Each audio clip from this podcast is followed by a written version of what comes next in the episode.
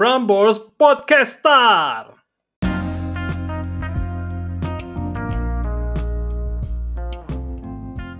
Hey randomers, kamu lagi dengerin podcast Random se-Indonesia Raya. Random itu kita, sebab alam semesta sejatinya random.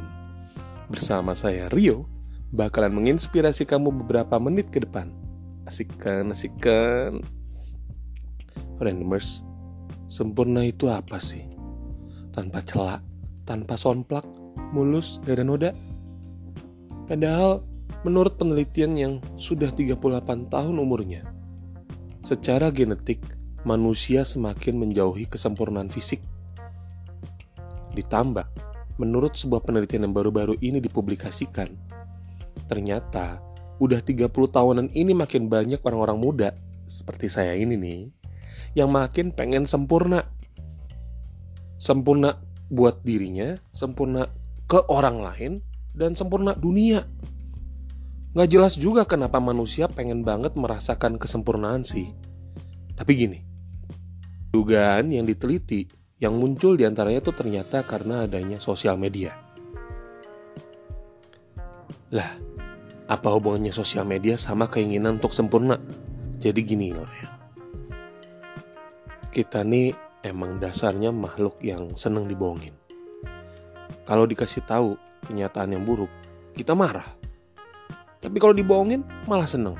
Terus bilang, Alah bohong kali lu, jujur aja deh. Kan ya serba salah ya jadi orang. Ngomong jujur salah, ngomong bohong seneng-seneng curiga. Nah, kalau sosial media, kita kan tahu ya isinya kan settingan semua tuh. Sehingga kayak sempurna banget hidup orang. Ya masa iya selebgram cerita-cerita tentang penderitaan hidupnya? Kan gak laku kalau kayak gitu. Ntar followernya ribuan aja. Dengan like yang ala kadarnya gitu aja. Tambah nih, selebgram kan dibilang artis bukan. Dibilang orang biasa juga bukan. Kelas hidupnya kadang gak jauh-jauh banget juga dari kita. Rasanya agak deket lah masih. Karena mainnya kadang masih di kafe-kafe dan mall-mall yang kita masih bisa kunjungin. Pakai baju juga yang masih bisa kita beli. Yang di endorse gitu loh ya kan. Sementara kalau artis kan kencing aja di Amerika, mandi aja di London, tidur di Jepang, baju ala desainer. Jauh banget dari kebiasaan kita sehari-hari. Mayoritas masyarakat jelata ini karena kemiripan kebiasaan-kebiasaan itu tuh. Terbentuklah pandangan tentang gimana sih standar hidup dunia yang masih kita capai. Jadi kayak ketemplet gitu pikiran kita. Ibarat bikin kue, nah ada cetakan ya kan? Selain karena sosial media, halusinasi kesempurnaan ada juga gara-gara orang-orang terdekat di sekitar kita.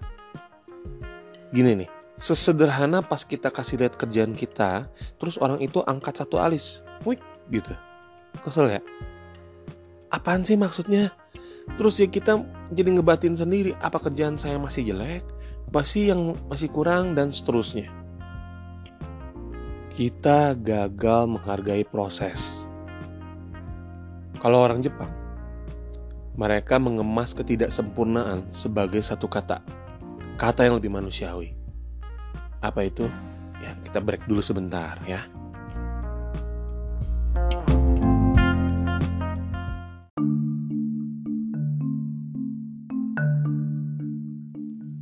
Kata tersebut adalah jeng nungguin kan? Kaizen. Gitu kata mereka. Artinya perbaikan terus menerus kata ini bermakna penerimaan diri bahwa kita kan bukan makhluk sempurna nih. Tapi juga bukan berarti kita menyerah pada ketidaksempurnaan. Malahan, Kaizen bermakna suatu semangat yang tinggi untuk terus mau memperbaiki diri biar mendekati sempurna. Mereka memoles proses. Katakanlah, kayak kalau bikin indomie goreng ya kan. Kalau kita bikin sendiri, kok nggak seenak abang-abang di warungan bikin indomie gitu. Apa karena dibikinin? Nggak juga. Ini kayak misteri yang belum terpecahkan. Tapi karena saya ini kan orang yang baik hati dan sombong ya kan. Jadi saya pecahkan deh misterinya buat kamu-kamu randomers. Dengerin ceritanya. Para perebus Indomie, mereka itu kan tiap hari merebus Indomie. Emang kerjaannya ya gitu aja. Sehari katakanlah rebus satu karton. Belum saya hitung kamu-kamu yang pesennya double ya. Nah dari satu karton yang direbus, mereka dapat umpan balik dan kritik dari berapa konsumen. Ayo. Ya ada yang bilang kelembekan lah, terlalu keras lah, terlalu basah lah. Ini ngomongin Indomie ya, jangan mikir macam-macam lah. Nah, dari kritik-kritik itu mereka pasti iseng lah. Ganti waktu kapan dicebur tuh Indomie ya kan? Gimana cara rebus telur biar cepet? Berapa lama rebus telur biar 3 per 4 mateng? Kapan cebur sayur-sayurannya? Gimana cara masukin kornet? Dan seterusnya.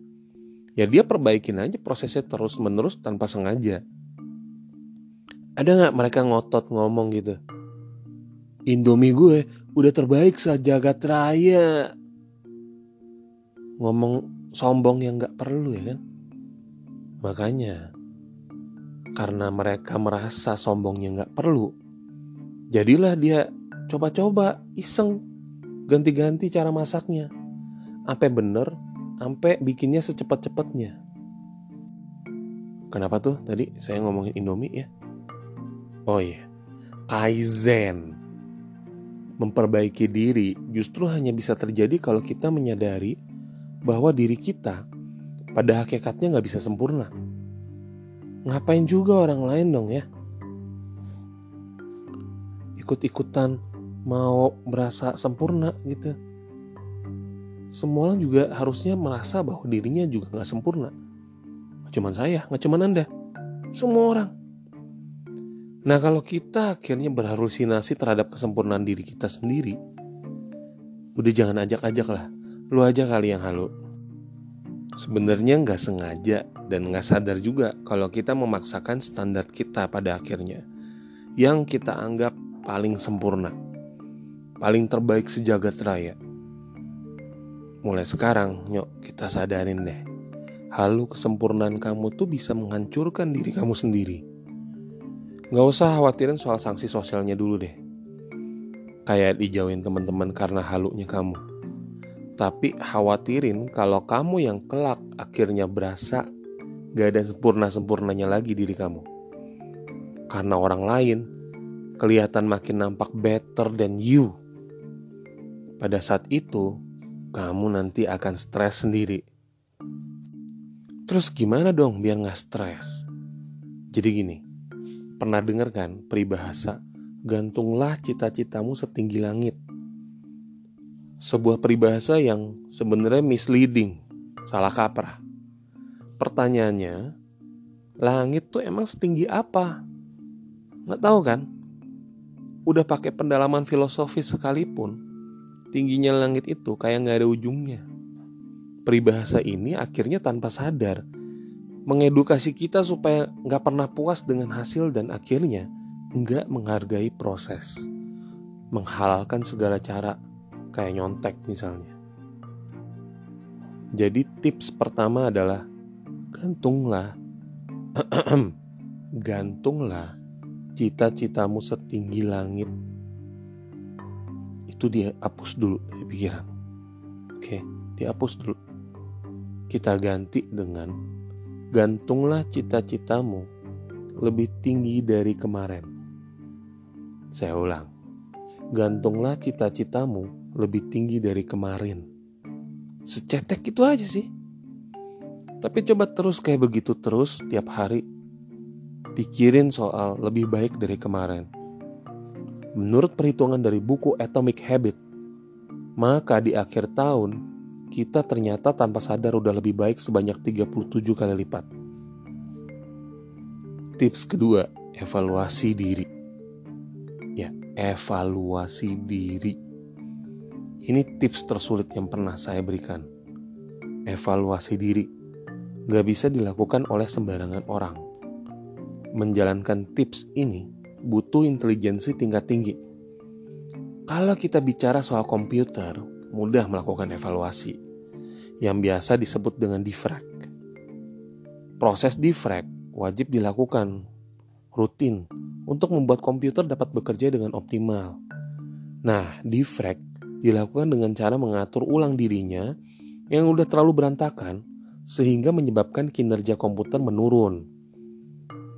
Ayo, udah defrag belum komputernya? Nah, demikian juga dengan evaluasi diri kita. Artinya, harus mengatur ulang apa yang menghambat kinerja kita sehari-hari. Taunya dari mana? Kritisi diri sendiri dan minta kritik makin pedas kritik ke diri kita sendiri. Haruslah kita semakin mampu untuk memahami manfaat kritik itu buat perbaikan diri kita. Tapi terbuka sama kritik orang lain itu belum sulit. Belum. Bagian tersulitnya apa dong? Mengkritisi diri sendiri pada aspek yang tepat dan dengan kalimat yang membangun. Ini susah. Susah banget. Misalnya, saya besok harus lebih sabar, atau saya besok harus minta maaf sama dia karena saya sudah keterlaluan dengan kata-kata saya. Kok sulit ngomong begitu? Kok sulit mengkritisi diri sendiri dengan cara seperti itu? Ya sulit kalau merasa diri sempurna. Sombong yang gak penting tuh. Saya Rio, stay tune Ketemu lagi di episode berikutnya tentang Big Data. Bye.